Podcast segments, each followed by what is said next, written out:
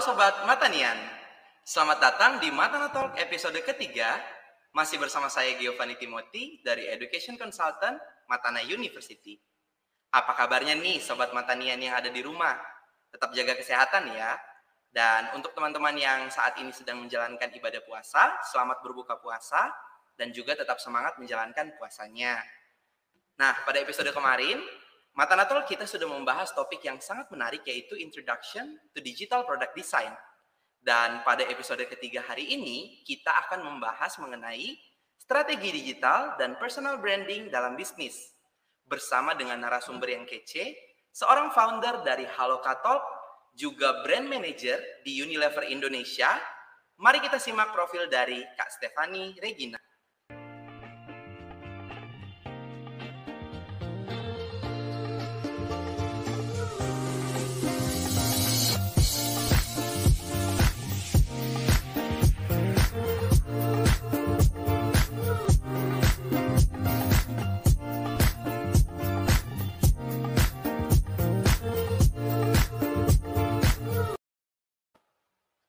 Sudah terhubung bersama kita Kak Stefani Regina. Halo Kak Stefani. Halo, selamat Halo. malam. Hai Geo. Halo malam Kak. Apa kabar Kak? Kabar baik. Apa kabar Geo juga? Baik. Gimana nih Kak kesibukan selama di masa pandemi ini? Iya, jadi uh, selama pandemi ini puji Tuhan diberi kesempatan untuk work from home. Jadi Oke. sampai sekarang sebenarnya masih kerja dari rumah. Ini baru aja kerja, selesai kerja, lalu Oh, langsung oke. live di ini nih Matana Talks nih, excited banget. Oke, luar biasa. Nah, tadi juga kita udah eh, lihat ya teman-teman profil dari Kak Stefani. Kalau Kak Stefani ini adalah seorang brand manager di salah satu perusahaan yang cukup terkenal ya di Indonesia, sangat terkenal di Unilever.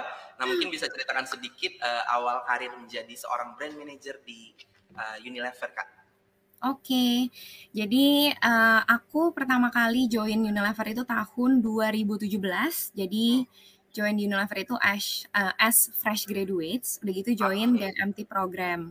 Namanya Hmm. itu Unilever Futures Leaders Program.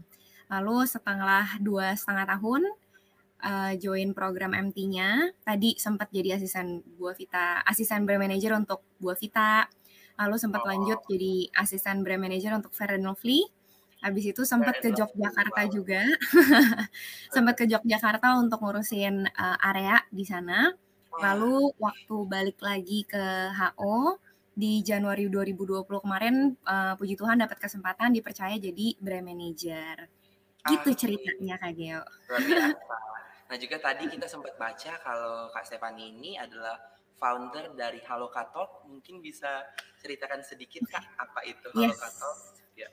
Betul sekali. Jadi sekarang juga lagi building sebuah e-learning community platform. Namanya itu adalah Halokatox di Instagram. Jadi eh, kita ini percaya banget bahwa sebenarnya semua orang itu punya kesempatan dan juga punya sesuatu yang bisa dikontribusikan untuk orang-orang di sekitarnya. Oke. Tapi kadang-kadang kita nggak tahu nih sebenarnya apa sih yang kita bisa kontribusikan, bagaimana cara mengomunikasikannya, dan bagaimana cara membuat impact-nya itu scalable. That's why di Haloka kita fokus ke tiga hal, personal development, communication, dan juga branding. Jadi harapannya kita bisa membantu halokawan gitu, kalau kita Geo nyebutnya di Haloka, Halo kawan. kita bisa membantu Oke, halokawan ini Iya. untuk find their core values and core competencies, lalu akhirnya mengomunikasikannya. Jadi semuanya bisa create impact dan juga bisa berkontribusi baik untuk lingkungan sekitarnya gitu. Luar biasa. Berarti platform so, eh, Halokatalk ini ada di sosial media Instagram ya Kak ya? Betul. Jadi kalau so far kita ada di Instagram dan kita juga biasanya rutin sih ada webinar dan juga ada training. Kalau training ini eh, bisa untuk kantor-kantor juga gitu. Nah makanya excited banget nih hari ini untuk share di Matana Talks juga. Oke, ngomong-ngomong eh, nge-share ya.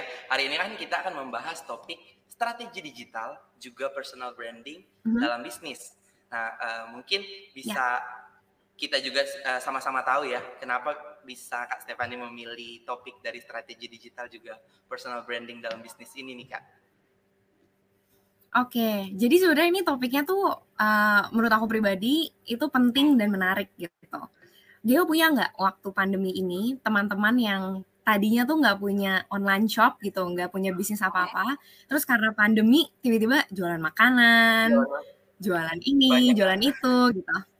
Banyak banget Banyak, kan? banyak. Dari Instagram, Nah. dari WhatsApp itu banyak banget kak. Mhm, Oke. kayak jadi tiba-tiba harus beli makanan temen nih gitu kan, supporting each other's business gitu. Betul. Betul, betul, betul Nah. banget ya kak. Oke, kalau Sebenarnya gitu karena teman-teman, itu sih. Jadi kita lihat bahwa memang banyak bisnis yang lagi rising nih, especially gara-gara pandemi Pandemi. ini. Jadi kita mau sama-sama belajar gimana sih sebenarnya hopefully bisa membantu teman-teman yang lagi mau mulai bisnisnya di 2021 gitu lewat digital. luar biasa sekali. Ben- Bener banget ya kak, di masa pandemi ini mengajarkan kita hal positif juga untuk menjadi seorang entrepreneur nih. Jadi semuanya pada mulai berbisnis. Kalau gitu teman-teman, kita nggak usah berlama-lama lagi, langsung saja kita akan mendengarkan materi dari Kak Stefani Regina mengenai strategi digital dan juga personal branding dalam bisnis. Dipersilakan Kak Stefani. Oke, thank you Geo. Aku ngintip dulu. Oke, udah kelihatan ya. Jadi eh, sekali lagi selamat malam semuanya dan terima kasih sekali lagi untuk kesempatannya boleh sharing di sini. Perkenalkan sekali lagi nama aku Stephanie Regina atau biasa dipanggil juga Hani. Gitu. Hari ini mau share sedikit insight dan juga harapannya nanti eh, bisa bermanfaat untuk teman-teman yang lagi mau memulai bisnisnya especially di 2021. Karena yang udah dibahas sedikit tadi bareng sama Geo, kita tahu ya bahwa di 2021 ini tuh sebenarnya banyak banget yang berubah. Perubahannya udah dari 2020 sih, di mana uh, sekarang itu tuh kita lebih banyak istilahnya ketemu lewat digital. Ya kan, kayak aku aja sebenarnya udah satu tahun nih gak balik ke kantor, semuanya everything itu udah lewat digital, virtual meeting, kenalan sama orang juga uh, banyakan meeting, ngisi webinar, jadi speaker juga kebanyakan tuh semuanya digital. That's why sebenarnya ini sangat mempengaruhi how we do business in 2021. Nah, aku akan share sedikit di sini uh, based on what I learn dan juga what I practice gitu. Karena kebetulan aku juga punya coffee shop di Yogyakarta. Jadi di sini kalau teman-teman ada yang kebetulan lagi ke Jogja, nanti boleh main-main ke coffee shop aku namanya at Melipir Coffee. Jadi mudah-mudahan ini cukup praktikal karena ini juga aku praktekin di uh, bisnis aku. Oke, okay, jadi this is my virtual name card gitu ya karena tadi sekarang semuanya itu udah serba virtual, maka secara sadar ataupun tidak sadar sebenarnya our Instagram profile itu adalah our new name card. Dan ini nanti kita akan bahas sedikit sebenarnya bagian dari personal branding kita juga nih yang akan sangat bisa mempengaruhi how and seberapa cepat kita mau membuat bisnis secara digital. Ini adalah Instagram profile aku, jadi di sini aku juga tulis aku lagi building Haloka Talks dan juga melipir coffee di Yogyakarta. Nah, alasan utama kenapa malam ini kita ada di sini untuk diskusi tentang building uh, business in 2021 itu karena konsumen itu berubah gitu sesuai dengan perubahan uh, apa ya situasi gitu yang sekarang semuanya serba digital. Jadi consumers behavior itu juga berubah cara kita mengonsumsi produk juga berubah nah ada nggak di sini teman-teman matana gitu atau disebutnya tadi matan matananians ya matanians mungkin itu yang sekarang setiap kali mau beli produk pasti lihat e-commerce kayak oke ini harga di toko offline segini nih. Kalau misalnya harga di e-commerce A berapa ya? Scroll. Lalu harga di e-commerce B berapa ya? Gitu. Itu aja satu udah berubah gitu. Consumers uh, behavior are changing. Jadi we check everything online sekarang.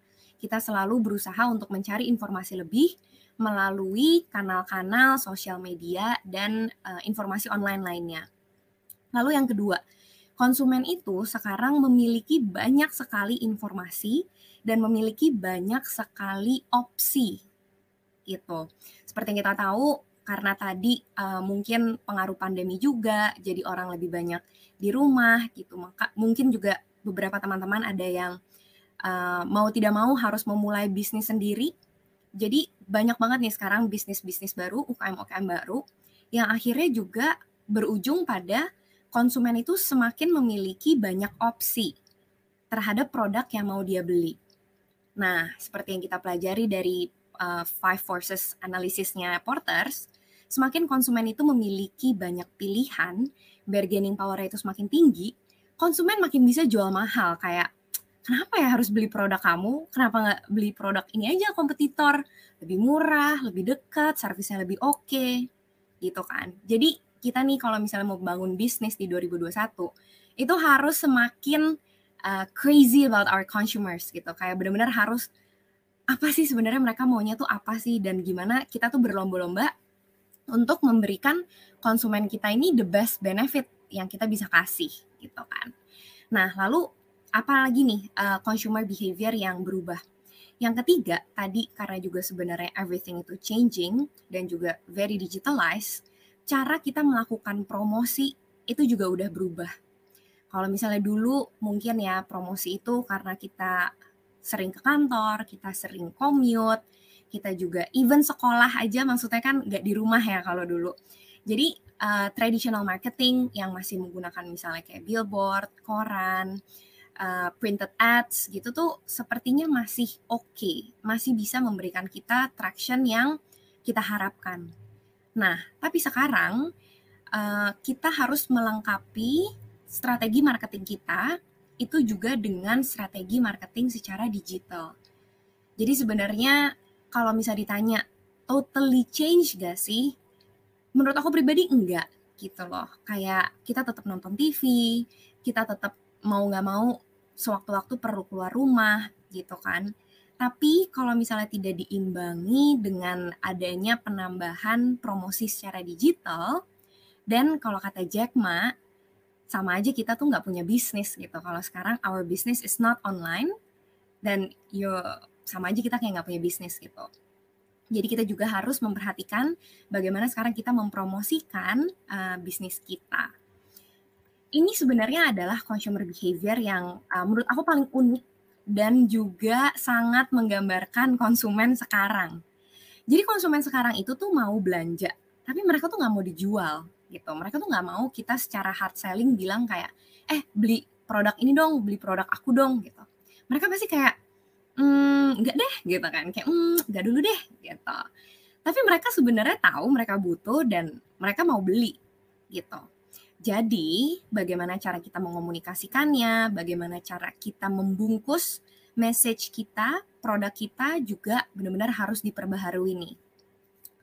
Di sini mungkin teman-teman ada yang aware terhadap 4P ini ya. Ini adalah 4P legendaris yang kayaknya kalau teman-teman itu mau bikin bisnis atau teman-teman itu suka marketing, pasti udah sangat aware. Ini adalah marketing mix yang terdiri dari product, price, place, dan juga promotion. Ini dari zaman uh, aku kuliah gitu ya. Karena aku kuliah marketing kebetulan. Ini tuh kayak istilahnya benar-benar kompas arah dan tujuan kita jadi tiap kali kita mau bikin brand tiap kali kita mau menganalisa sebuah brand kita pasti selalu mikir nih kak produknya apa ya harganya berapa tempatnya kita mau jual di mana dan promosinya itu seperti apa nah aku akan coba uh, bahas lebih dalam untuk masing-masing packnya jadi produk. Setiap kali kita mau bikin bisnis, tentunya hal pertama yang harus kita tahu itu apakah produk kita mampu menjawab kebutuhan konsumen. Ya kan?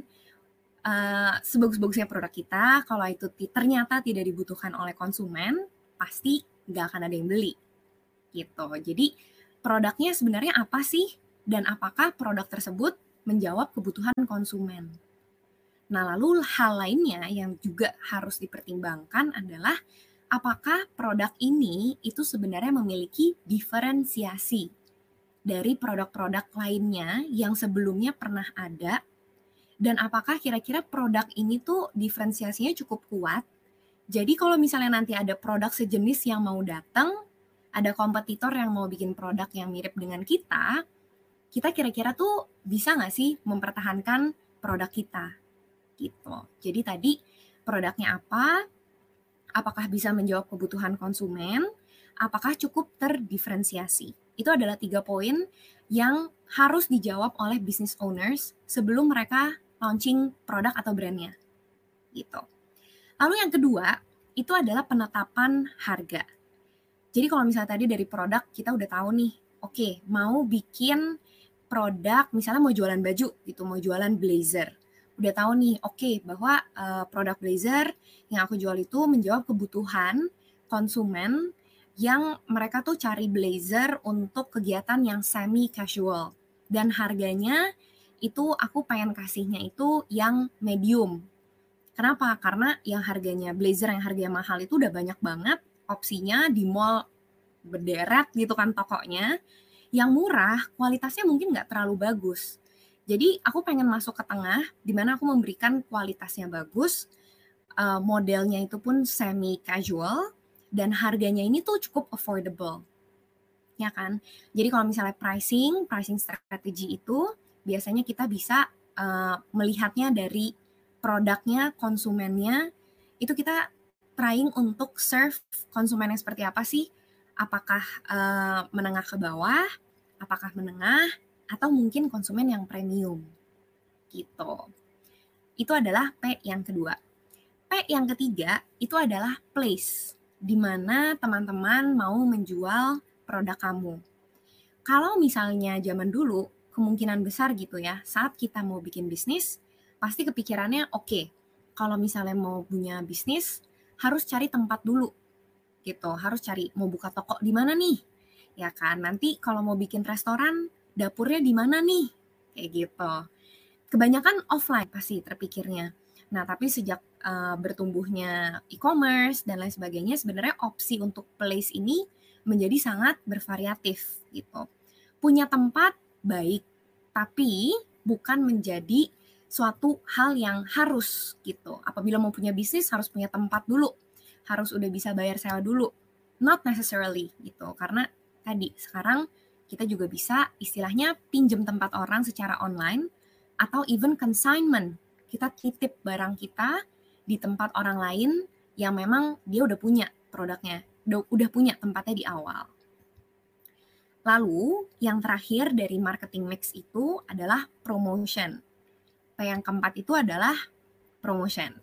Nah, promotion ini itu sebenarnya sangat menarik karena uh, menurut aku pribadi, jadi dari total marketing mix, 4P marketing mix yang kita punya, promotion ini itu yang paling banyak ada artnya gitu. Kalau yang atas kan mungkin banyaknya riset ya gitu, R&D, produknya udah oke okay atau enggak nih, kita cari tempat atau kita cari e-commerce yang paling oke okay untuk produk kita. Jadi lebih banyak risetnya kan. Tapi kalau promotion ini menurut aku tuh sangat menarik karena when we talk about promotion dan we talk about how do we want to communicate our message gitu oke, aku sekarang jualan blazer. Tapi aku mau ngomongnya gimana ya? Campaignnya mau seperti apa nih? Gitu. Jadi total komunikasi message yang mau kita sampaikan itu sebenarnya merupakan salah satu bagian aspek dari marketing mix yang ada under promotion. Lalu aspek lain selain promotion tadi, selain message yang mau kita sampaikan, itu juga sebenarnya masuk lagi ke taktikalnya adalah bagaimana cara kita setelah kita create communicationnya itu kita create pool dari audience untuk mereka mau beli produknya, mau coba produknya. Gitu. Nah, cara creating poolnya seperti apa? Contohnya itu yang paling sederhana, kita misalnya bikin promo, diskon, ya kan? Limited time, beli dari hari ini sampai besok, itu dapat diskon 20%. Jadi beli sekarang gitu. Jadi kalau misalnya promotion yang tactical itu memang biasanya lebih banyak untuk mengencourage orang take action untuk coba produk kita sekarang gitu. Jangan ditunda, coba sekarang ya kan? Karena kalau misalnya nih kita udah sampai bisa memberikan awareness sama mereka, kita udah communicate our message, kalau misalnya tidak langsung di-create action untuk mereka beli, nanti kita akan ulang lagi tuh consumer journey-nya. Harus ngingetin mereka lagi, produk kita apa sih? Kenapa sih harus beli produk kita? Gitu kan. Jadi selama dan sebisa mungkin kalau kita udah educate our consumer, itu selalu ditutup dengan CTA atau call to action biar mereka bisa langsung beli sekarang. Gitu. Jadi ini adalah marketing mix yang uh, kita udah tahu dari lama. Dan pertanyaannya, apakah sebenarnya marketing mix ini itu masih ideal nggak sih kita pakai di tahun 2021 untuk bisnis kita yang notabene konsumennya tuh sudah banyak berubah gitu kan. Kalau aku pribadi sebenarnya merasa marketing mix ini tuh masih perlu gitu karena ini sebenarnya fundamental things ya kan. Kita nggak mungkin bisa bangun bisnis kalau kita nggak even tahu produknya apa, kita mau jual di harga berapa, kita bagaimana cara kita reach out to consumers lewat channel apa, dan bagaimana cara kita bikin mereka tuh mau beli produk kita. Gitu. Tapi ini aja sekarang itu nggak cukup, ya kan? Sekarang itu ada 4P baru atau kalau aku mungkin lebih sukanya bilangnya ini adalah 4P pelengkap dari marketing mix yang awalnya kita udah punya gitu.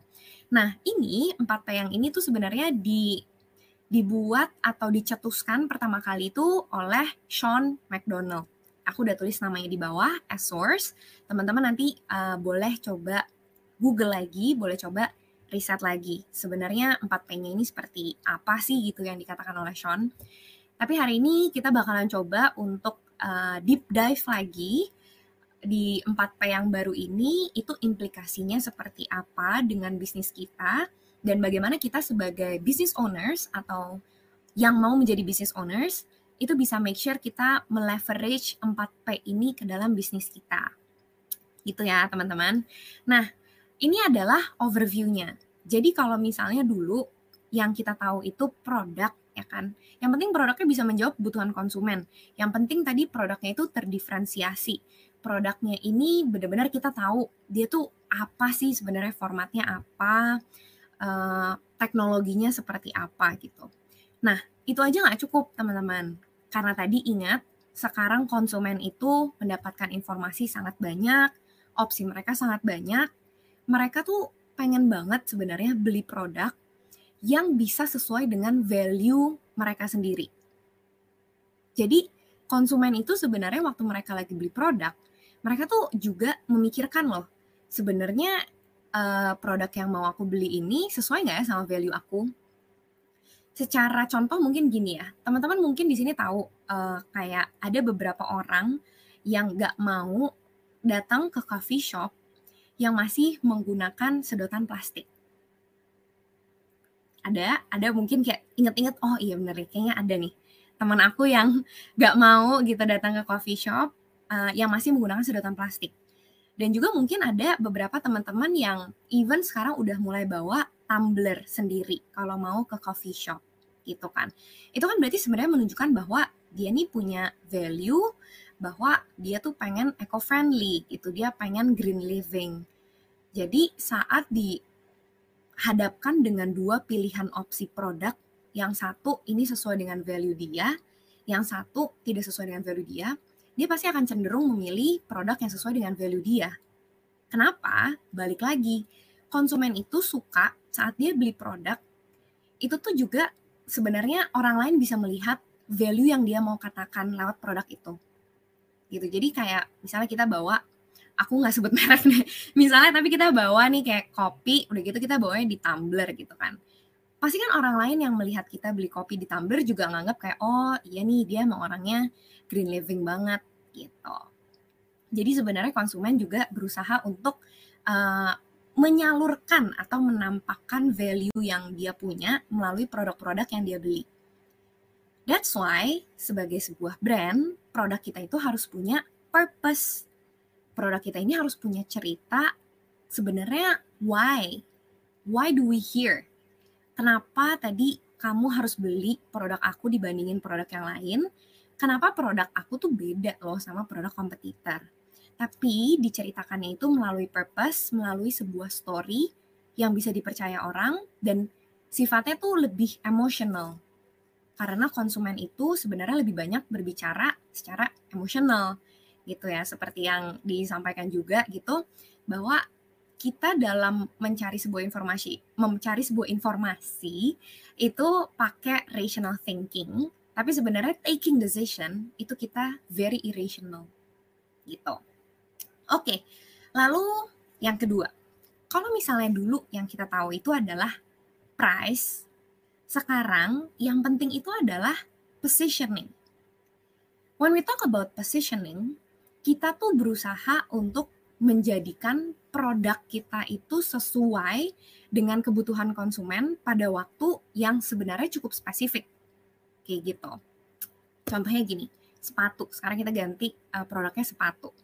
Sebenarnya kalau misalnya when we only see the functional benefit dari sebuah sepatu, sebenarnya kan yang penting ya udah alas kaki. Kita mau jalan jadi uh, lebih enak, lebih nyaman gitu kan.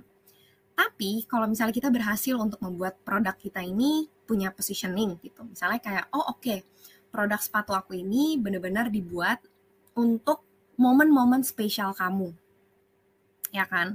Kalau kamu lagi mau ngelamar pacar kamu, kamu lagi mau uh, presentasi penting di kantor kamu gitu.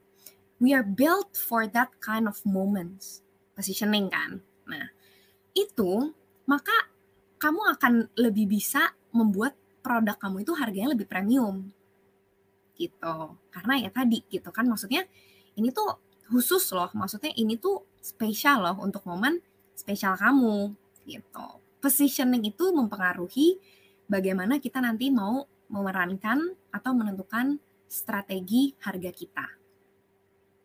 Oke kita lanjut ke poin yang ketiga. Jadi yang ketiga kalau misalnya yang dulu kita tahu adalah place. Nah, sekarang kita juga tidak boleh melupakan partnership. Gitu. Jadi kalau misalnya teman-teman bisa berkolaborasi, kalau teman-teman tadi bisa melakukan consignment, coba itu dipertimbangkan gitu. Karena sekarang aja contohnya gitu ya. Saat kita mau bikin bisnis F&B, not necessarily kita harus punya kitchen sendiri loh. Sekarang udah ada ghost or cloud kitchen, di mana sebenarnya dalam satu dapur itu bisa digunakan oleh berbagai macam brand restoran. Gitu. So it's a part of collaboration, partnership, ya kan? Kalau misalnya kita di 2021 ini bisa benar-benar memaksimalkan opportunity opportunity tersebut, hopefully jadi bisnis kita tuh bisa lebih efektif. Gitu. Lalu yang keempat, kalau misalnya yang kita tahu dulu itu adalah promotion, sekarang kita harus lebih sharp lagi nih teman-teman gitu kan. Karena uh, yang tadi sekarang everything tuh cepet banget digital dan kita tuh setiap hari terekspos dengan berbagai macam iklan, produk, promosi gitu. Jadi, konsumen itu akan jauh lebih memperhatikan promosi-promosi yang memang istilahnya curated for for them gitu. Yang khusus menjawab untuk aku, yang sesuai dengan keinginan aku, yang sesuai dengan behavior aku gitu. Jadi mungkin kalau misalnya bisa dibilang yang aku bilang di awal gitu, we have to be crazy about our consumers. Mereka maunya apa, mereka sukanya apa, mereka ada di mana, mereka follow siapa gitu. Itu kita benar-benar harus perhatiin. Nah, ini tadi secara singkat nih mengenai tambahan 4P yang baru yang harus kita perhatikan sebagai strategi bisnis di 2021.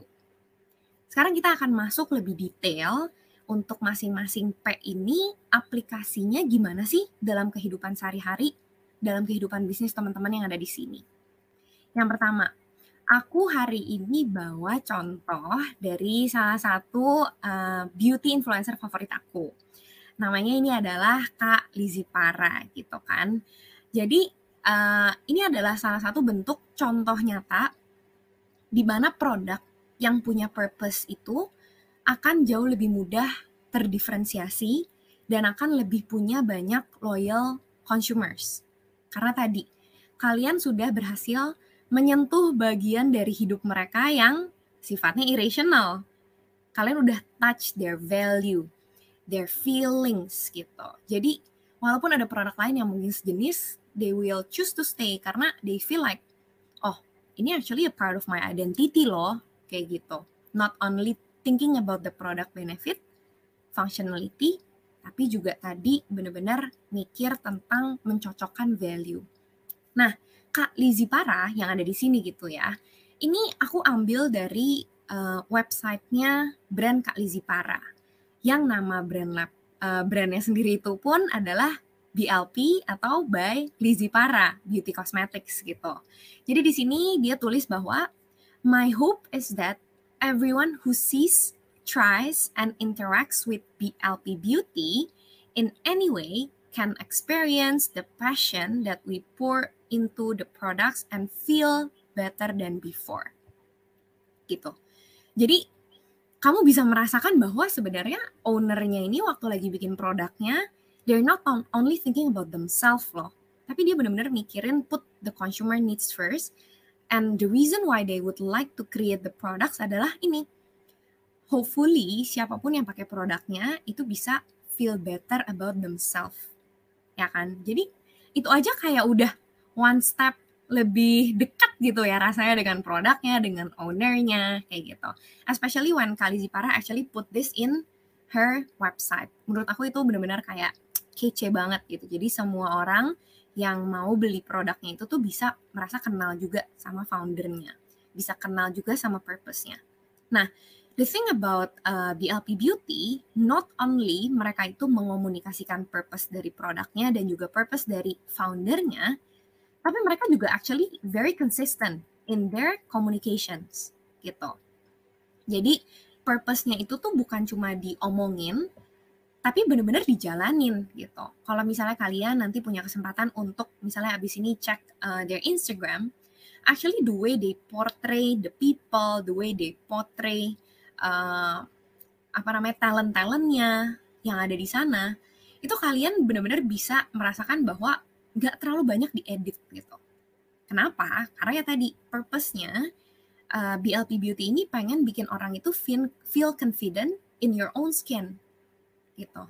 Jadi I don't know. For me personally, when I look at uh, their promotions, when I look at their kayak Instagram, I feel like it's very genuine gitu loh. Bahwa oh aku nggak set beauty standards itu harus yang kulitnya warnanya kayak gini atau harus yang wajahnya bentuknya kayak gini gitu. You can be your own beauty, you can feel confident in your own skin. Gitu. Bener-bener purpose-nya itu nyampe dan ini jadi diferensiasi mereka. Banyak sih yang jualan beauty product, tapi ada nggak sih beauty product yang yang bikin kamu tuh pede jadi diri kamu sendiri? That's the benefit or that's how you know produk kamu itu punya purpose. Contoh yang kedua yang juga menarik. Jadi tadi kita udah ngobrolin nih tentang Kalizi Para. Bagaimana dia Kalizi ini juga actually menuliskan purpose-nya dia itu di websitenya dan itu ke translate ke dalam produk yang dia lagi bikin. Nah, this is a thing about personal branding dari founder jadi personal branding dari founder itu juga sebenarnya sangat mempengaruhi bisnis yang dia miliki. Gitu loh. Bahkan in some cases kalau misalnya foundernya itu benar-benar able untuk communicate his or her purpose, maka orang itu akan secara natural itu bisa langsung nangkap bahwa oh, oke, okay, kayak misalnya tadi kita balik ke Kalizi dikit ya. Oh, Kalizi kan dulunya makeup artist gitu. Pasti kalau dia bikin produk, produknya ini bakal bagus deh karena dia pasti kan ngerti banget sebenarnya gimana cara uh, make up, gimana kulit orang kayak gitu kan. Jadi credibility founder itu tuh juga akan sangat secara natural ke transfer ke produk yang dia punya. Kayak gitu. That's why personal branding is important especially if you would like to make your business itu sebenarnya accelerate faster. Lalu di sini contoh yang kedua itu adalah Kak Yasa Singgi, juga idola uh, favorit aku sebenarnya. Jadi ini aku ambil uh, value-nya atau purpose-nya Kak Yasa Singgi itu dari Instagram bio-nya. Ya kan, jadi when I die, I wanna be remembered as a man of value. Jadi kalian bisa lihat waktu Kaya Singgi ini itu kan dia jualan sepatu ya Men's Republic gitu. Dia benar-benar try to incorporate bahwa sebenarnya men yang sukses, orang yang sukses itu tuh not necessarily about the achievement dari bisnisnya. Tapi juga bagaimana orang itu tuh bisa punya value, kehidupan, bisa-bisa bermanfaat untuk orang. Makanya kenapa dia juga dari Men's Republic sendiri juga sering banget misalnya melakukan kegiatan sosial, melakukan donasi, karena it's all the matter dari tadi purpose-nya ya sesinggi dia pengen menjadi man of value. Ini adalah salah satu contoh nyata gitu ya, bahwa uh, personal branding dari founder itu sebenarnya sangat mempengaruhi bisnis orangnya gitu. Bukan berarti kalau founder itu nggak punya personal branding yang bagus, maka nggak bisa berhasil. Aku nggak bilang kayak gitu ya. Aku cuma bilang kalau misalnya foundersnya itu punya personal branding yang strong, maka orang itu akan jauh lebih cepat mengasosiasikan dirinya dengan produk atau bisnis yang dia bangun gitu. Karena tadi credibility-nya tuh bisa ke transfer atau namanya halo effect gitu kan. Nah, kalau misalnya kalian go ke websitenya ya Sesinggi, kan dia jualan sepatu ya. Tapi kalau misalnya kalian masuk ke websitenya, ini adalah homepage-nya.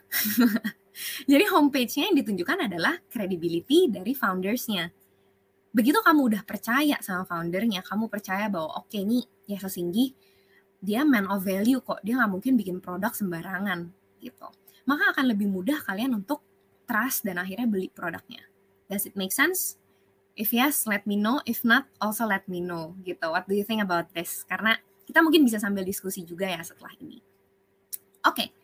itu tadi produk gitu kan. Yang kedua, aku pengen langsung agak jam masuk ke promotion. Jadi kita tadi udah tahu bahwa promotion itu sekarang harus personalize karena semua orang itu mendapatkan informasi yang banyak banget dan uh, semakin personalize maka itu akan semakin cepat kenanya di mereka. Ini adalah empat cara kalian bisa memiliki promotion yang personalized di uh, dunia digital. Yang pertama, penting banget untuk kalian itu memanage data konsumen yang kalian punya. Penting banget, banget, banget gitu kan. Karena gimana caranya kalian bisa uh, bikin konsumen kalian itu inget produk kalian kalau misalnya setelah kal pro, setelah konsumen beli produk kamu, kamu nggak pernah follow up, kamu nggak pernah tanya-tanya, sapa-sapa, gitu kan. Jadi kamu butuh data konsumen dan kamu butuh untuk mengelolanya, memanage-nya. Contohnya di sini, uh, tentunya kita belajar banyak ya dari eh, kakak-kakak kita di startup yang sudah established. Contohnya misalnya kayak di uh, di sini gitu, kayak Gojek. Gojek itu karena dia juga maksudnya uh, sangat mengedepankan big data management. Jadi sometimes uh, promosi yang aku dapat dan promosi yang mama aku dapat gitu ya misalnya kayak sama-sama di rumah itu tuh bisa beda dan itu benar-benar tergantung dari sebenarnya behavior aku seperti apa. Apakah aku lebih sering uh, beli makanan atau aku lebih sering kirim produk atau kayak gimana. Dan dia bisa memberikan uh, penawaran atau promosi itu yang sesuai dengan behavior aku. Yang lebih mungkin aku jalankan. Yang kedua, manfaatkan yang namanya affiliate marketing. Contoh yang paling, menurut aku, mungkin salah satu yang paling sukses sekarang itu adalah Shopee ya. Jadi Shopee itu dia bekerja sama dengan banyak sekali kayak uh, influencer yang ada di Instagram. Untuk si influencer ini tuh nanti uh, dia istilahnya akan punya link khusus yang uh, kalau misalnya follower dari influencer tersebut beli produk dari link yang dikasih, itu maka si influencer ini akan dapat bagian juga gitu. Jadi sebenarnya win-win solution kan. Uh, Shopee juga trafficnya jadi naik, uh, belinya juga dibelinya jadi lebih banyak, dan influencer ini juga bisa mendapatkan bagian apabila ada orang yang beli produknya. Jadi win-win gitu. That's affiliate marketing. Uh, in some cases, affiliate marketing itu juga bisa dalam bentuk kayak Oke okay guys, itu adalah review produk dari aku. Kalau misalnya kamu tertarik, swipe up dan gunakan Honey X Matana. Misalnya kayak gitu. Atau Haloka X Matana. Nah, jadi itu benar-benar bisa ke-track nih bahwa oh oke, okay, ini trafficnya dari influencer ini tuh segini, bisa menghasilkan segini. Gitu. That's basically affiliate marketing. Aku lanjut, yang ketiga, promosi yang bisa kalian lakukan itu adalah Facebook dan juga Instagram Ads.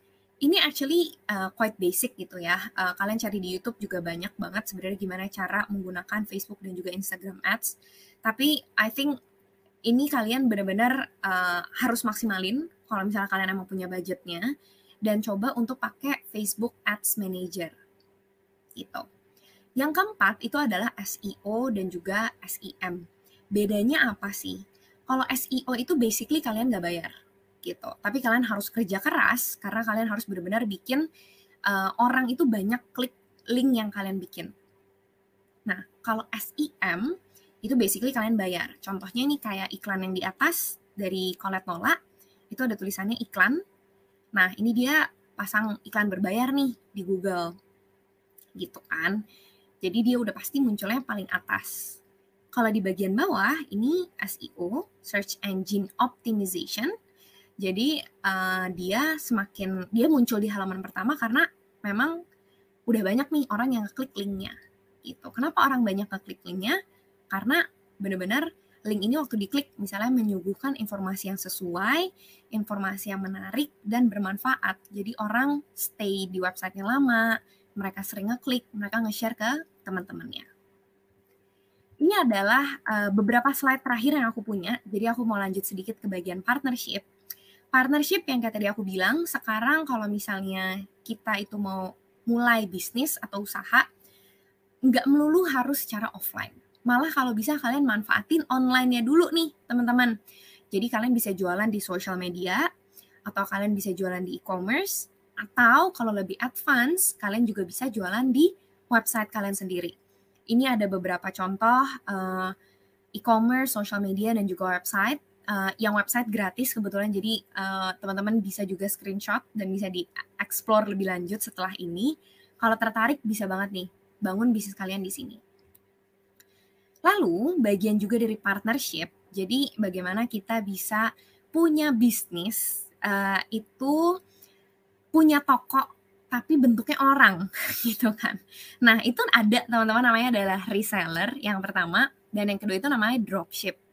Jadi kalau reseller itu basically kalian kayak uh, tadi punya toko tapi bentuknya orang ya kan. Jadi literal banget terdiri dari re dan juga seller, jadi penjual yang menjual kembali produk kalian. Gitu. Yang cukup menarik itu ada yang namanya dropship. Jadi dropship ini tuh istilahnya kayak makelar gitu kali ya. Kalau misalnya dalam kehidupan sehari-hari. Jadi misalnya nih, aku mau jualan uh, produk A, tapi aku nggak nyetok produknya sama sekali. Aku adalah dropship gitu. Aku adalah orang si dropshipnya. Jadi waktu aku jualan produk dan produknya laku, maka aku akan kontak supplier. Lalu nanti suppliernya ini akan mengirimkan langsung ke pembeli, tapi atas nama aku. Gitu. Itu adalah dropship. The beauty of dropship adalah kalian tidak punya resiko karena kalian tidak ngestok barang. Jadi ya udah gitu kalau laku baru kalian bayar ke supplier lalu nggak nyetok barang nggak wah resikonya mungkin hanya dikomplain kalau suppliernya kirim barangnya jelek gitu kan. Oke, okay, that was basically the end of my presentation. Semoga itu bisa cukup membantu teman-teman yang ada di sini yang pengen mulai mem membuat bisnis gitu ya secara digital di 2021. Kalau misalnya teman-teman tadi tertarik untuk tahu lebih lanjut mengenai hal-hal yang seperti tadi kita udah bahas, boleh banget follow kita lebih lanjut di @halokatox karena we share practical insights about uh, this gitu ya. Jadi tentang personal development, communication dan juga branding itu setiap hari di Instagram kita dan kita juga punya webinar dan juga training sessions. Aku pikir segitu dulu uh, Kak Geo sharingnya. Jadi aku kembalikan ke Kak Geo. Terima kasih semua teman-teman yang udah dengerin. Oke, terima kasih Kak Stefani. Luar biasa sekali ya teman-teman. Tadi kita udah uh, mendengar presentasi dari personal eh, dari strategi digital bagaimana kita uh, membangun sebuah bisnis kita mulai dari uh, personal branding dan ini kak kita nanti akan ada sesi Q&A juga sudah ada nih kalau nggak salah sudah ada pertanyaan-pertanyaan dari live comment kita akan langsung aja kali ya kak untuk kita uh, jawab ya. Mungkin teman. Boleh dong, boleh banget. Terima kasih teman-teman ya. yang sudah bertanya. Banyak banget nih pertanyaannya kak. Okay. Oh banyak banget, oke. Okay. Ternyata banyak juga kak yang nonton nih ya. Ini kita akan langsung saja. Uh, nanti akan di highlight pertanyaannya. Oke, ini udah ada dari Julian Salomo. Nanya kak, untuk mau jualan begitu kan kita butuh source nih kak. Cari-cari source produk yang ingin kita jual itu gimana ya kak? Oke dari okay. Julian. Silakan Kak. Thank you Julian udah bertanya. Jadi uh, ini aku akan jawab dua ya, karena aku nggak tahu maksud kamu yang mana.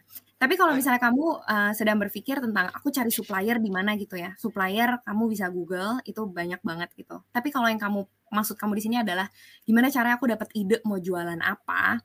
Nah, ini sebenarnya uh, practical things yang kamu bisa lakukan adalah yang pertama, kamu coba buka Google Trends gitu. Terus kamu lihat aja sebenarnya sekarang keyword yang lagi trending ini apa sih gitu. Kamu juga bisa lihat produk-produk uh, yang lagi trending itu sebenarnya dari e-commerce jadi kalian lihat gitu hot items di e-commerce tuh apa sih, ya kan? Atau kayak uh, most botnya apa nih gitu. Jadi social media is your friend. Coba manfaatin uh, kayak trending-trending topik atau misalnya kayak trending-trending item yang tadi ada di uh, e-commerce, ada di social media atau even tadi di Google Trends. Lalu kalian coba deh lihat-lihat kira-kira tadi dianalisa lagi ada nggak ya dari semua produk yang lagi trending ini yang bisa aku benar-benar uh, maximize, aku utilize gitu. Oke, berarti tadi Google Trends ya kak ya? Betul, dan juga social media, Geo sebenarnya bisa banget gitu dari e-commerce kamu lihat sebenarnya apa sih best selling itemsnya, hot items gitu. Oke, uh, nah ini kita mau highlight lagi satu pertanyaan. Oke, dari Angela Putri Menurut Kak Hani, langkah awal untuk personal branding untuk satu bisnis yang masih baru ya. mulai, dari mana ya Kak? Karena bisnis baru pastinya masih dengan modal pas-pasan. Curhat nih kayaknya. modal pas-pasan. Silakan. Yes, yes, yes. Thank you, thank you Angela Putri untuk pertanyaannya. Jadi kalau misalnya mulai personal branding atau branding in general gitu berarti ya kalau untuk produk kamu dengan modal yang pas-pasan itu start really with what you have gitu.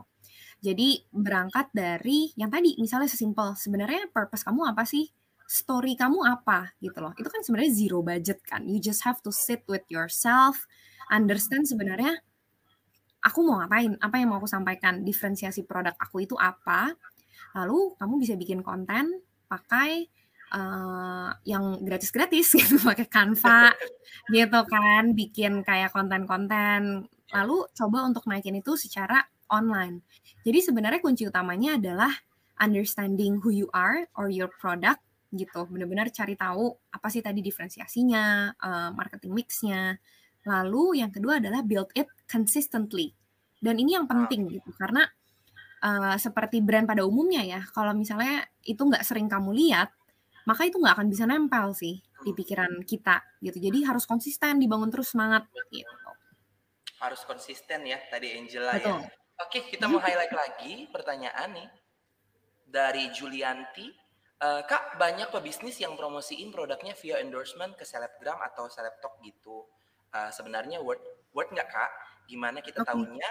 Ada nggak sih promotion selain endorsement yang better Kak? Oke, okay, thank you Julianti pertanyaannya. Uh, worth it atau nggak worth it itu kayaknya benar-benar tergantung uh, produk kamu dan influencernya tuh sebenarnya siapa yang kamu endorse gitu kan. Nah, sebelum kita masuk ke bagian sana, first thing first yang harus kamu perhatikan adalah apakah uh, istilahnya rumah kamu sendiri itu sudah oke okay atau belum gitu. Jadi bayangin ya, kamu punya rumah gitu kan. Jadi sebenarnya endorse endorsement ini itu kayak hanyalah sebuah tools untuk kamu ngasih tahu orang bahwa eh gue punya rumah, yuk datang main ke rumah gue gitu kan.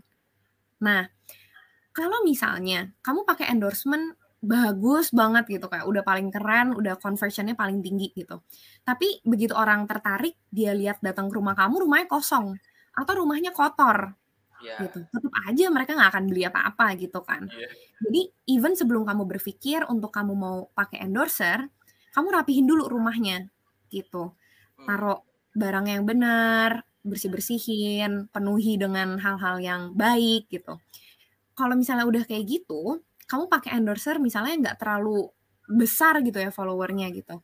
Tapi sekalinya orang datang ke rumah kamu, dia suka, dia pasti kan akan ngomong-ngomong sendiri tuh. Jadi semua orang yang datang ke rumah kamu ini akan jadi influencer, akan jadi endorser untuk rumah kamu kayak gitu. Banyak banget BTW Julianti jadi caranya untuk kita tuh mempromosikan produk kita bukan hanya lewat endorser.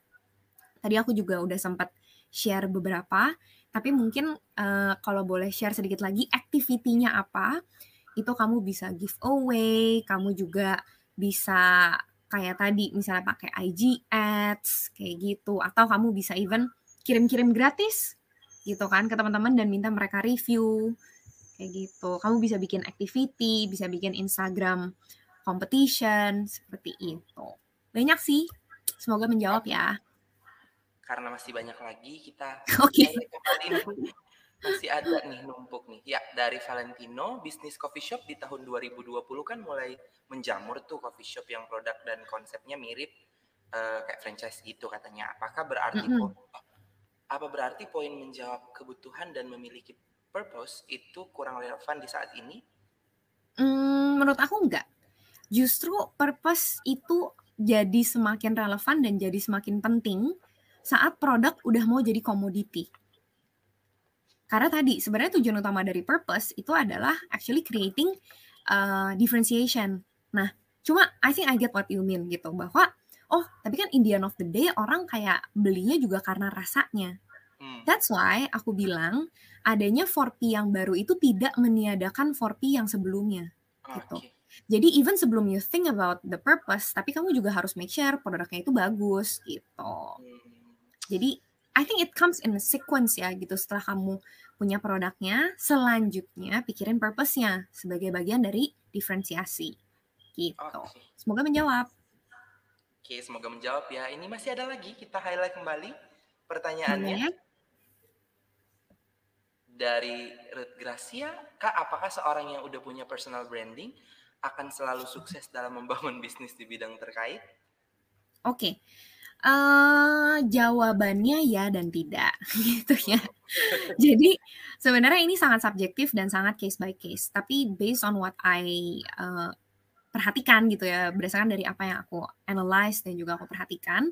Maksudnya biasanya kalau orang itu owner, founder punya personal branding yang strong, uh, dia biasanya akan lebih mudah untuk create awareness gitu. Hmm. Maksudnya ya definitely gitu kan kayak basically uh, kalau orang yang punya follower misalnya gitu ya seribu dengan orang yang punya follower 10 itu pasti kan akan lebih mudah spread awareness kalau followernya lebih banyak gitu. Betul. Jadi istilahnya starting point itu tuh pasti akan berbeda gitu. Nah, uh, tapi apakah semua orang yang punya personal branding pasti berhasil? Tentunya tidak. Banyak sekali, bahkan sempat ada gitu ya beberapa tahun lalu ya perusahaan yang menjual jasa hmm. konsultasi keuangan gitu kan. Itu kan juga sebenarnya berangkatnya juga quite strong gitu dari personal brandingnya. Tapi dan again, kalau misalnya produk kamu itu bisa naik gara-gara personal branding kamu, jangan lupa produk kamu juga bisa hancur karena personal branding kamu. Wow. Jadi jadi emang itu sesuatu yang istilahnya harus di nurture lah gitu. Hmm. Dan that's why sebenarnya di Haloka itu kita selalu berusaha kalau misalnya teman-teman ini mau mencari personal branding, itu benar-benar berangkatnya dari core values dan core competencies. Jadi personal branding dan pencitraan itu satu hal yang berbeda dan yang selalu kita aim itu adalah punya personal branding yang sehat gitu. Semoga menjawab. Oke, nah ini juga uh, saya mau bacakan pertanyaan dari hmm. Google Form. Uh, di sini sudah ada yang nanya bagaimana mengetahui core value uh, core value kita agar dapat percaya diri, memberikan kontribusi atau impact kepada society. Wow. Oke, okay, keren banget nih pertanyaannya. Langsung disambungin sama bagaimana memberikan impact gitu. Aku suka banget. Oke. Okay. Jadi uh, how you know yourself dan biar itu bisa memberikan impact untuk orang di sekitar kamu. Kalau misalnya di Haloka biasanya kita pakai yang namanya identity mix gitu. Hmm. Jadi it is a simple tool for you untuk know yourself internally. Nah, uh, identity mix ini terdiri dari empat hal. Yang pertama adalah know your personal value, jadi who you are as a person. Lalu yang kedua itu adalah what is your skill gitu. Kamu bisa apa? Yang kamu secara soft skill atau secara hard skill. Yang ketiga adalah what is your experience. Specifically, experience itu sangat penting karena saat semua orang melakukan apa yang kamu lakukan, dia tidak bisa mencuri pengalaman kamu, dia tidak bisa mencuri your tacit knowledge. Jadi it's very important to remember what is it in my past experience yang membentuk aku menjadi aku yang sekarang ya kan? Lalu yang keempat adalah your belief or your motto in life. Karena itu akan sangat mempengaruhi uh, energi apa yang kamu bawa untuk orang-orang di sekitar kamu. Once kamu udah tahu nih your identity mix itu apa, kamu coba cocokin sama your external gitu. Jadi kamu ngobrol sama teman kamu, sama sahabat kamu, orang tua kamu. Eh, bener gak sih gue tuh gini gini gini gini gini gitu kan. Nah, kalau yang udah, nanti kamu bikin yang namanya personal branding statement. Personal branding statement apa? Cek di at Talks, biar tidak kepanjangan. Karena biasanya itu satu sesi sendiri ngebahasnya, Kak. Gitu. Siap. Jangan lupa ya teman-teman untuk follow Haloka Talks di Instagram. Dan yes. ini kan kita masih akan uh, menjawab ya pertanyaan. Mm -hmm. Ini sudah ada juga pertanyaan dari Google Form bagaimana supaya terus bisa mengikuti tren digital marketing yang selalu berubah-ubah. Ini menarik nih Kak. Oke, good question. Also something that I always question myself sebenarnya gimana ini kayak cepet banget nih perubahan kayak tiba-tiba kemarin ada Clubhouse gitu, sekarang udah ada Twitter Space gitu kan. Gimana sih caranya kita keep on the trend? I think for me personally it's very important to be inspired every day gitu loh. Jadi the thing about this adalah menurut aku tuh jangan selalu uh, aim untuk get new informations gitu. Hmm. Tapi get, aim untuk get inspired means kayak kalian tuh oh gitu ya. Ternyata hmm. orang di luar sana ada ya yang YouTube channelnya tuh subscribernya sampai ratusan ribu dan dia khusus membahas alat pancing kayak wow ternyata sekarang dunia kita tuh semakin spesifik semakin menarik ya kayak iya. gitu. Jadi apakah aku dapat informasi baru? Not necessarily gitu. Aku nggak mau mancing. Tapi I am inspired bahwa hmm. oh my god, the world around me tuh changes that fast ya. Kayak people sekarang suka sesuatu yang benar-benar full of storytelling, sesuatu yang benar-benar deep pembahasannya gitu. Jadi be inspired. Take a look at the the world around you, talk to many people, kayak gitu sih. Oke, luar biasa. Nah ini ada lagi nih kita akan highlight dari uh, live chat. Oke, dari Agung Prasetyo, izin tanya Kak Hani untuk ngebangun yeah. brand awareness di awal rintis usaha, mana pilihan strat mana pilihan strategi digital yang bijak Kak? Cara organik seperti uh, eh, CEO atau ngiklan? Oke, jadi ya ya. Uh, menurut aku yang bijaksana itu adalah tentunya yang tidak menggunakan budget ya kan? Karena we always want to start small, jadi istilahnya test the water, testing the water gitu kan. Jadi kalaupun kalian nanti pada in the end of the day memutuskan untuk SEM gitu, untuk yang berbayar, then you still need to create a good content. Benar kan? Cara kalian membuat konten yang bagus itu seperti apa? Itu pasti konten secara organik gitu. Jadi coba dulu secara organik kalau misalnya bisa tidak berbayar, kenapa harus berbayar? Kalau misalnya ternyata kalian sudah merasa maksimal, maksimalin semua yang kalian punya, ternyata tetap awarenessnya itu kurang oke okay, dan baru kalian keluarin budget untuk berbayar. I think okay. that's my view. Semoga menjawab. Oke, okay, semoga menjawab ya. Ini ada lagi nih, kita boleh highlight kembali dari Glady. Sorry kak, seperti yang kita ketahui, usaha franchise lagi marak karena brandingnya udah terkenal. Nah, bagaimana tanggapan kakak tentang produk branding franchise yang nggak perlu banyak usaha agar dikenal masyarakat. Oke. Okay. Bagus. Bagus. Uh, I think maksudnya ini it is actually an option ya. Maksudnya hmm. aku tahu banget, aku juga punya beberapa teman yang dia fokusnya adalah beli franchise gitu. Jadi nggak hmm. bangun bisnis dari awal, tapi beli franchise gitu. Nah, kalau misalnya kalian emang lebih punya preference untuk beli franchise yang udah jadi aja, I think it's also very very okay tapi make sure kalian beli franchise yang tadi brandingnya itu sudah bagus gitu yang uh, servisnya juga oke okay. jadi setiap bulan misalnya kalian diberikan materi eh, materi-materi untuk promosi kalian diajarin gimana cara jawab konsumen kayak gitu dan bagus sih kalau misalnya kalian bisa dapat franchise yang brandingnya udah oke okay, I think nggak apa-apa banget hmm. tapi butuh ini kali ya kak mungkin dari uh, sisi budget mungkin untuk memulai oh. franchise yang oke. Okay. itu topik yang berbeda nih, tapi Oke, okay. kalau gitu kita uh, highlight lagi ada dari Gabriela. Hai Kak, belakangan ini banyak yang memulai bisnis di luar comfort zone mereka karena hmm. melihat besarnya potensi dari dari bisnis itu. Nah, gimana sih Kak cara kita meyakinkan konsumen buat tetap coba produk kita? Oke. Okay. Okay. Ini berdasarkan apa yang aku baca gitu ya. Uh, jadi sebenarnya cara kita untuk meyakinkan konsumen untuk mencoba produk kita itu ada yang ada dua cara. There is always two ways of everything. The first one adalah uh, kamu membuat mereka tertarik beli produk kamu. Hmm. Jadi kamu kasih promo, kamu kasih brand education, kamu kasih tahu benefitnya apa, kamu endorse orang dan lain sebagainya, ya kan? Tapi ada juga cara yang kedua, kalian lower their barrier untuk coba produk kamu. Beda kan, gitu. Jadi misalnya nih pada suatu hari aku pengen beli baju blazer harganya 3 juta. Mahal banget kan kak? Kayak ah gila ngapain beli blazer 3 juta? Gitu kan. Nah mungkin mungkin salah satu caranya untuk lower the barrier adalah aku bilang oke okay, ini produk harganya 3 juta. Gitu kan. Tapi kalau misalnya rusak seumur hidup kita akan ganti gitu. Kalau kamu nggak suka kita akan ganti juga gitu. Jadi kan aku kayak jadi lebih hmm, mungkin nggak ada salahnya ya 3 juta seumur hidup atau mungkin kayak ada garansi bisa diturunkan ke anak kamu. Jadi kayak bukan cuma kamu yang bisa pakai tapi satu keluarga kamu gitu. Jadi try to lower the barrier untuk mereka tuh coba kayak gitu. I hope that answers. I think yang ada di pikiran aku sekarang those two ways sih.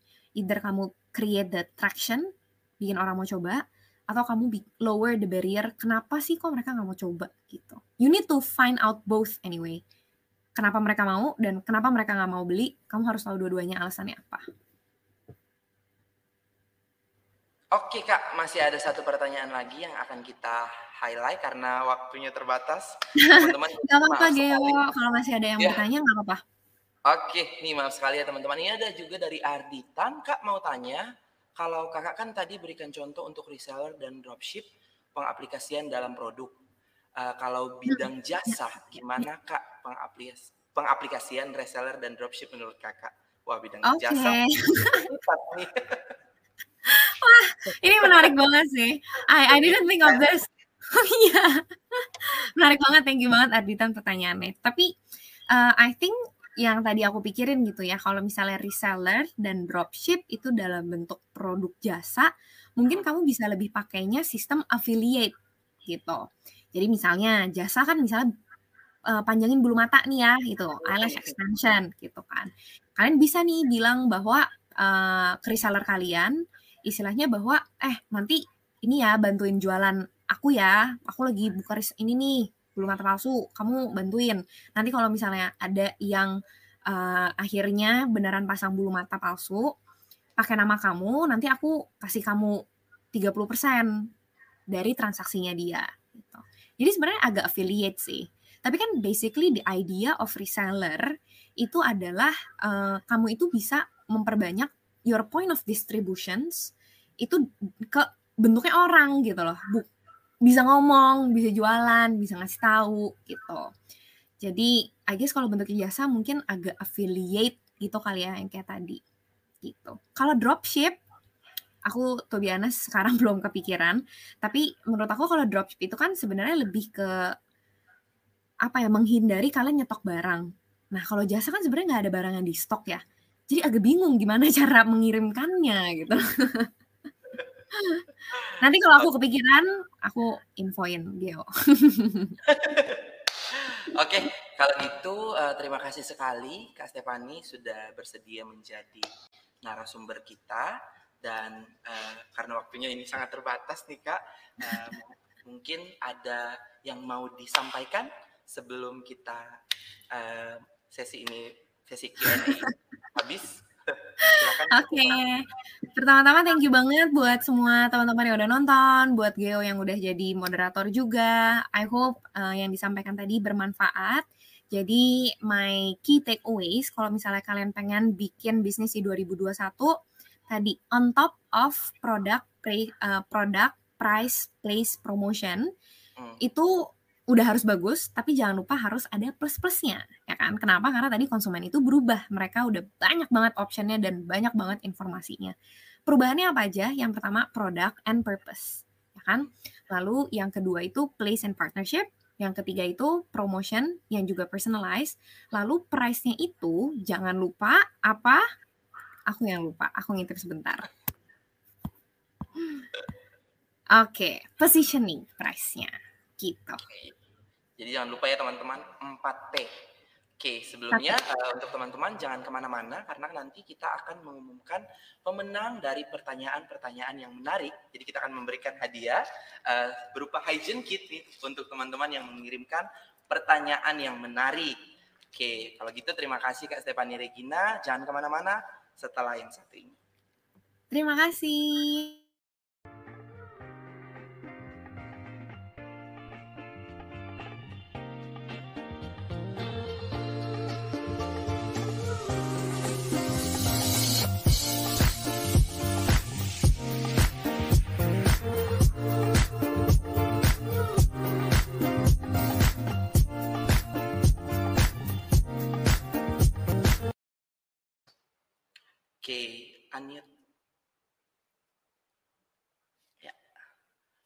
Oke, nah ini untuk teman-teman yang belum tahu Matana University, uh, kali ini saya akan memberikan informasi seputar Matana University. Jadi untuk teman-teman yang masih tanya-tanya apa itu Matana, kami Matana University adalah universitas swasta yang berdiri sejak Agustus tahun 2014.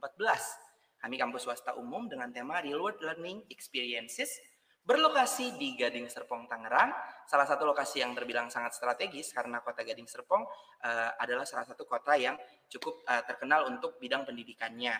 Dan ini mungkin teman-teman yang belum pernah lihat tampilan gedung Matana University, kami terletak di pusat kota Gading Serpong dan ini untuk gedung kami dari lobi dan juga fasilitas baik akademik dan non akademik ada di satu gedung ini.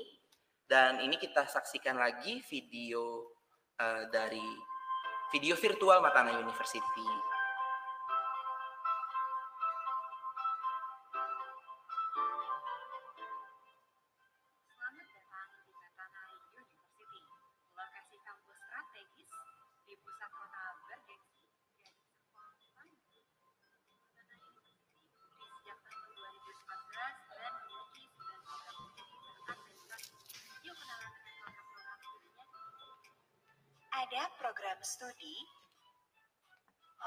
Hospitality dan pariwisata, akuntansi, manajemen, desain komunikasi visual, arsitektur, sistem informasi, teknik informatika, fisika, dan statistika.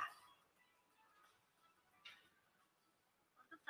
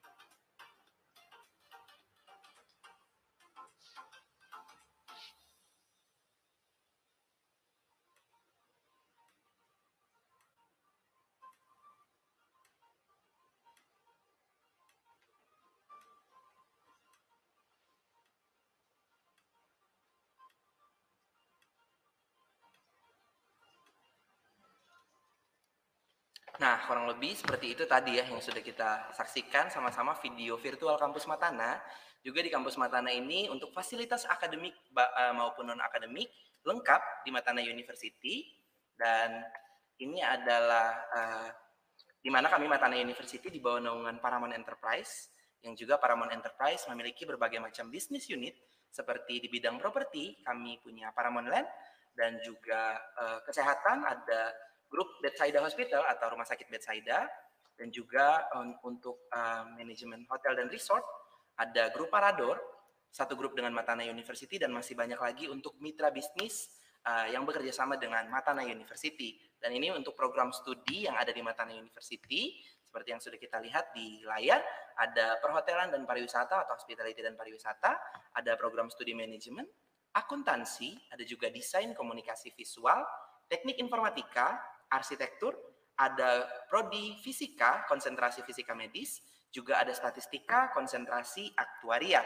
Nah, Matana University juga memiliki program student exchange yang bekerja sama dengan beberapa universitas di Asia maupun di Eropa. Dan ini untuk kegiatan-kegiatan mahasiswa apa aja yang dilakukan di Matana University. Eh, berikut adalah unit kegiatan mahasiswa yang ada di Matana University. Nah, dan juga banyak sekali prestasi yang sudah diraih dari kegiatan-kegiatan mahasiswa yang ada di Matana University. Nah, banyak sekali program-program menarik untuk pendaftaran, program potongan spesial juga ada, dan teman-teman yang mungkin tertarik untuk mendaftar atau ingin tahu info lebih lanjut mengenai Matana University, langsung saja bisa hubungi uh, Education Consultant kami di nomor WhatsApp di bawah ini di 0812 877 Oke. Nah, Oke, ini akan langsung saja kita bacakan untuk pemenang uh, pertanyaan yang paling menarik tadi di sesi Q&A. Uh, sudah ada mana nih tiga pemenang. Jadi teman-teman yang nanti saya akan bacakan, uh, jangan lupa untuk menghubungi kami panitia untuk mengirimkan alamatnya. Pertama ada dari Gabriela Marcelin. Selamat kepada Gabriela yang sudah berhasil memenangkan hygiene kit karena pertanyaannya sangat menarik tadi. Juga dari Agung Prasetyo dan Gledi Masyuria. Nah, untuk teman-teman yang sudah berhasil memenangkan Hygiene Kit dari Matana University, jangan lupa untuk menghubungi kami Matana University, uh, panitia Matana Talk, untuk uh, mengirimkan alamat dari uh, pemenang. Oke. Kalau gitu, uh, terima kasih kepada teman-teman yang saat ini sudah menonton Matana Talk atau bersedia uh, untuk mengikuti dari awal sampai akhir. Jangan lupa untuk tetap saksikan Matana Talk di official YouTube Matana University dan terima kasih juga untuk teman-teman yang sudah uh, mengirimkan pertanyaan dan maaf sekali karena banyak pertanyaan yang belum bisa kami uh, jawab. Oke, semoga untuk uh, apa yang sudah kita dengarkan hari ini dapat uh, bermanfaat untuk kita semua dan terima kasih karena teman-teman sudah uh, bersedia untuk bersama-sama di Matana Talk sampai selesai dan jangan lupa untuk follow uh, Instagram Matana University dan sosial media lainnya seperti Twitter, juga Facebook dan jangan lupa untuk subscribe official YouTube Matana University. Sampai jumpa di episode berikutnya Matana Talk. Bye bye.